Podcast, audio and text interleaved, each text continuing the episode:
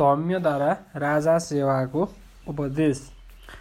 वैशम्पायनले भने नरपते सुन्नु होस् यो कथा। इच्छा पूर्ण हुनेछ जान्छ मनको सम्पूर्ण यसले व्यथा। हे राजन ऋषि मैले गरी दया शिक्षा दिए नीतिको ज्ञानी विप्र शास्त्र मित्र रथको सङ्ग्रामको बन्धुको। यस्तो आदर गर्नु पर्दछ जनले आज्ञा छ यो शास्त्रको। भन्ने ज्ञान छँदैछ पूर्ण तिमीमा सत्सङ्गको नीतिको। सोध्यौ दस्तुर हो भनेर म पनि भन्दैछु जाने जति। गर्नु हेर विचार खुब तिमीले पाञ्चालीको भूपति। तिनको कोही रहन्न भूपति कहाँ? आधार दाता पनि। गर्दै गर्नु विचार पार्थ तिमीले कर्तव्य आफ्नो भनी। बाठोलाई पनि कठिन छ नृपको गर्नु बसी चाकरी। गर्नुहुन्न विचार मान अपमान पर्दा अनेकौँ थरी।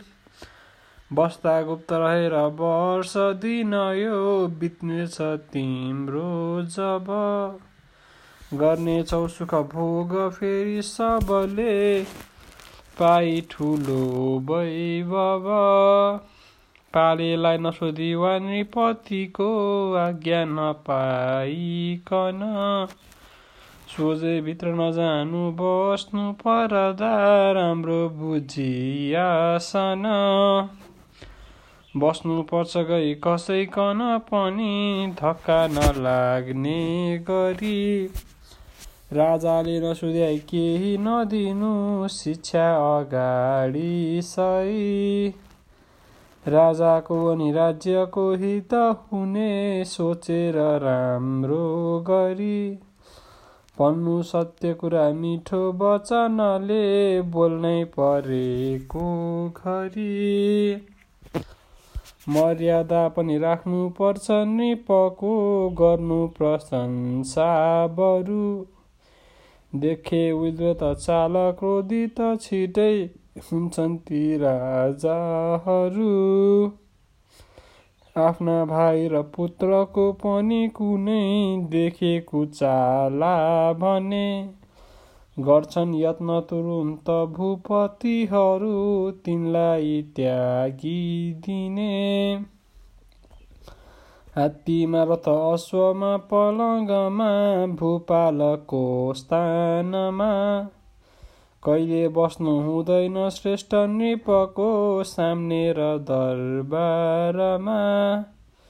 व्रता बात नबोल्नु भूप खुसी छन् अहिले म देखि भनी। बोल्यो सत्य भने सदैव निपको बस्नेछ प्यारो बनी।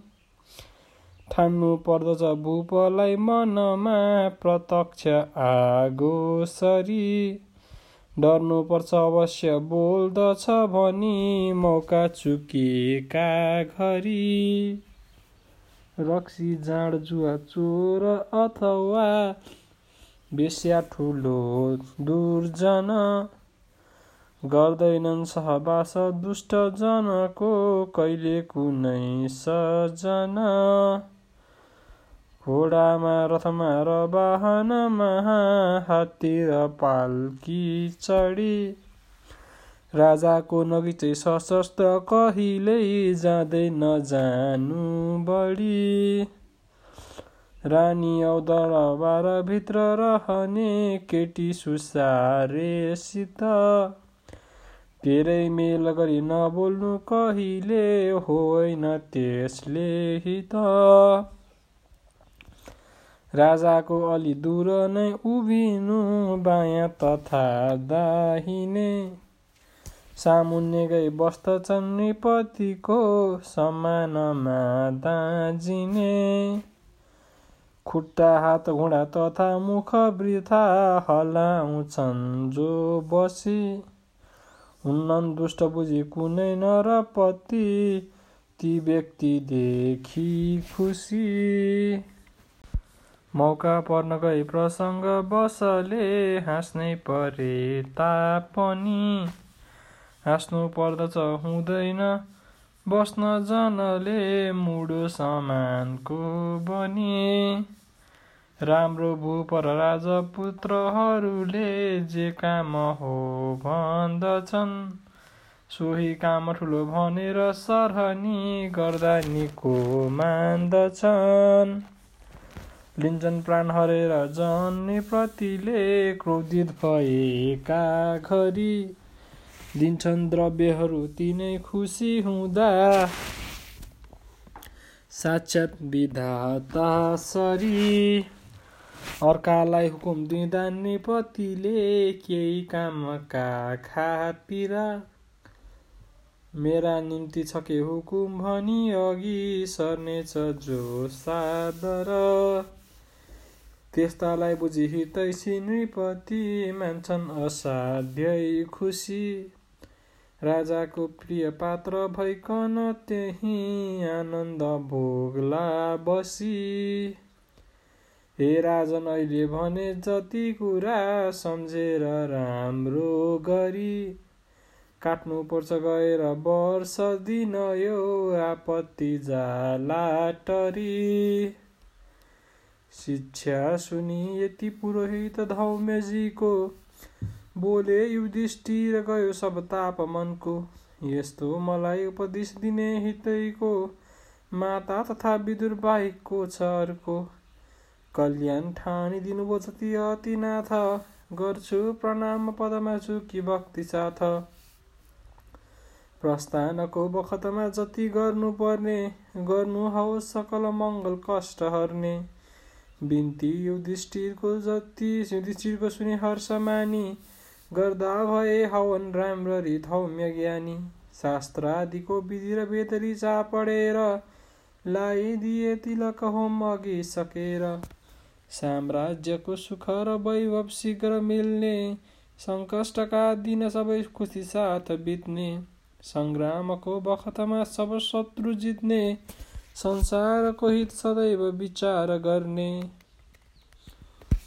आशीर्वाद सर्स धौम्य ऋषिले यस्तो दिएथे जब अग्निकुण्ड घुमी प्रदक्षिण गरे पाँचैजनाले तब बाँकी आश्रममा थिए ऋषि मुनि ज्ञानी तपस्वी जति। तिनका साथ विदा भइकन हिँडे सन्ताप मान्दै अति पाँचै भाइ र द्रौपदी कुटी तजी वनमा पसेथे जब यज्ञाग्निली धौम्यजी पनि हिँडे पाञ्चाल देशमा तब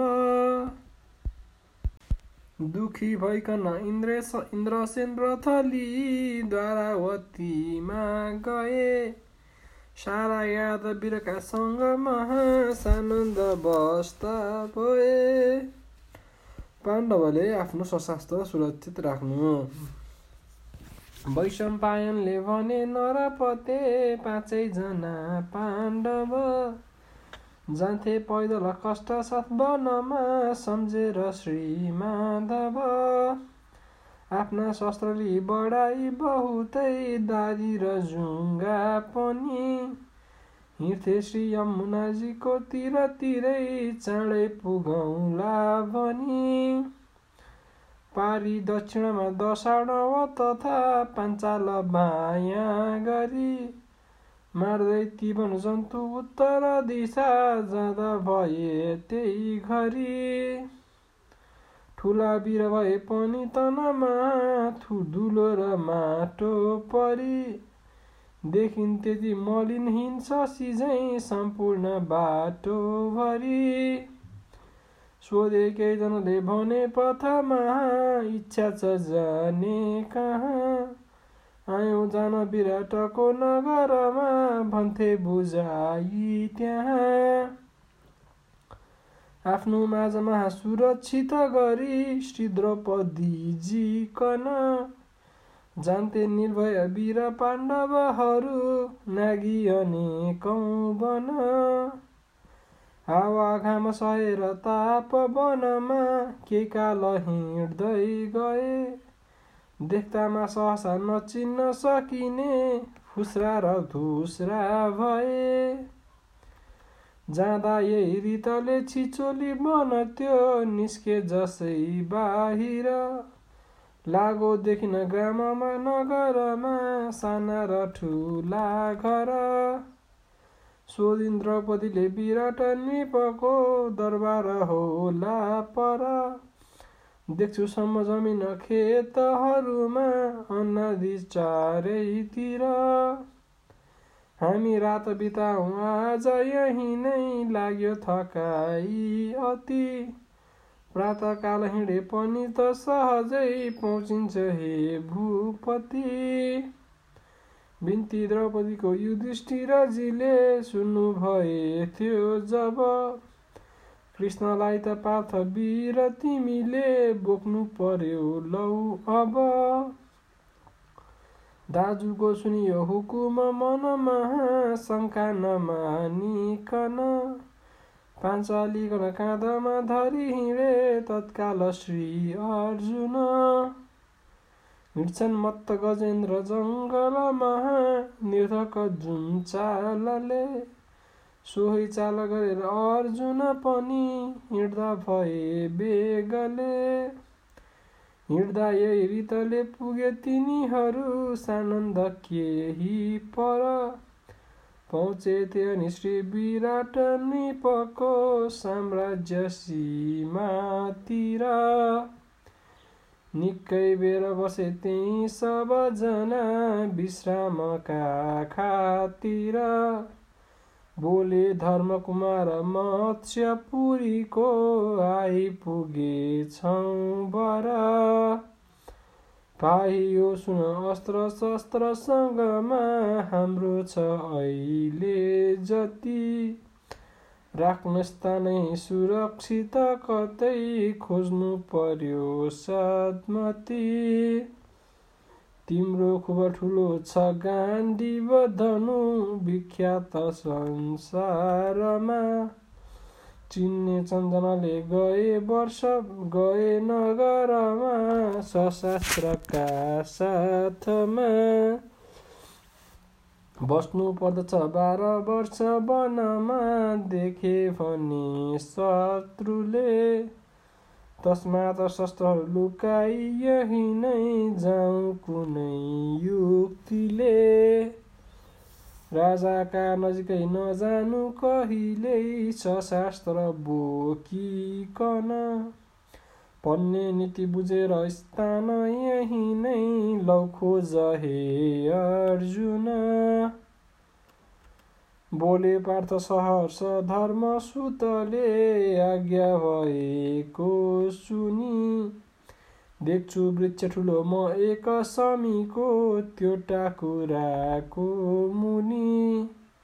राखौँ शस्त्रहरू र सुरक्षित गरी हामीहरूको त्यहीँ त्योभन्दा छैन स्थान जनले देख्नै नसक्ने कहीँ। हाँगाले सब वृक्षको वरिपरि ढाकिदिएको हुँदा रक्षा हुन्छ अवश्य शस्त्रहरूको त्यही वृक्षमा राखिँदा। डर लाग्दो छ मसान एक समीको त्यही वृक्षको केही वर। जाँदैनन् भनी ठान्दछु जन कुनै त्यही हेतु मानि डर। बिन्ती अर्जुनको युधिष्ठिरजीले थियो जब आज्ञा गर्नुभयो झिकेर यही नै सशास्त्र राखौँ सब। रक्षा गर्न सके लिएर धनु जुन सारा कुरुक्षेत्रको राखे धर्म कुमारले धनु झिकी दिग्दार मानेर त्यो पहिले जुन धनुले सुरा सुरा जिते एक्लै एक्लै लडाई गरी भागे शत्रु ठुला पनि धनुषको टङ्कार सुनला डरी पौलो मादिउने राक्षसहरू संहार जसले गरे ताँदो त्यही धनुको उतारी करले श्रीपार्थजीले धरे पाञ्चाली प्रदेश दिग्विजयमा जसले जितेथे गई।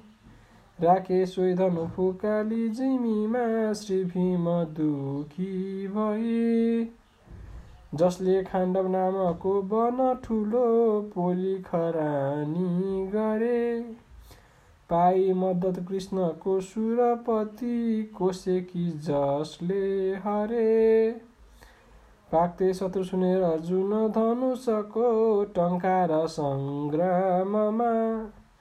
जसले पश्चिमतर्फका रिपुहरू एक्लै जिते यज्ञमा ल्याई वैभव श्री युधिष्ठिरजीको राखिदिए सामुमा। ताँदो त्यही धनुको झिकिन कुलले राख्दा भए भूमिमा। जसले दक्षिणतर्फका रिपु जिते भारी लडाइँ गरी। ल्याए यज्ञ खातिर ठुलो सम्पत्ति जसले हरि। त्यस्ता श्री सहदेवले धनुषको ताँदो फुकाइकन राखे त्यति कष्टले जमिनमा सारा दुखाइ मन। राखी खड्ग तथा तिखा सरहरू तरवार औतो मर। पाँचै भाइ भएर दुखित बसे विश्रामका खातिर। भन्नुभयो अनि युधिष्ठिरजीले भन्नुभयो अनि युधिष्ठिरले बुझाइ सशास्त्र बाँध बलियो सहदेव भाइ। राख्नु पर्यो नकुलले रुखमा चढेर। बाँध्नु सुरक्षित तथा बलियो गरेर दाजुको सुनियो हुकुम नकुलले पोकोली शस्त्रको भारी खुब कसेर कोटरमा राखिदिए वृक्षको पानी खुब परे पनि सहजमा भिग्नै नसक्ने गरी आफ्ना शस्त्रहरू ठुलो जतनले राख्दा भए राम्ररी।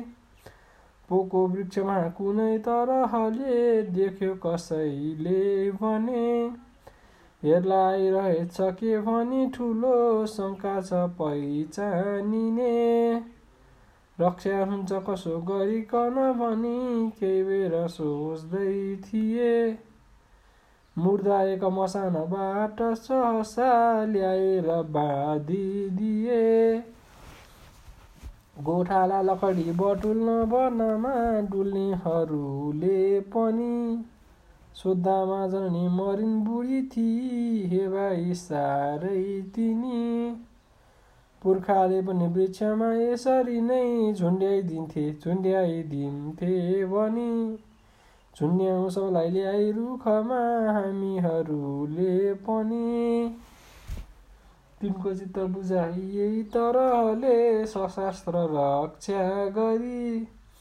पाँचै भाइ विराटका नगरमा पस्ता भए त्यही घरी। गुप्तिना पनि उसै बखतामा पाँचैजनाले धरे।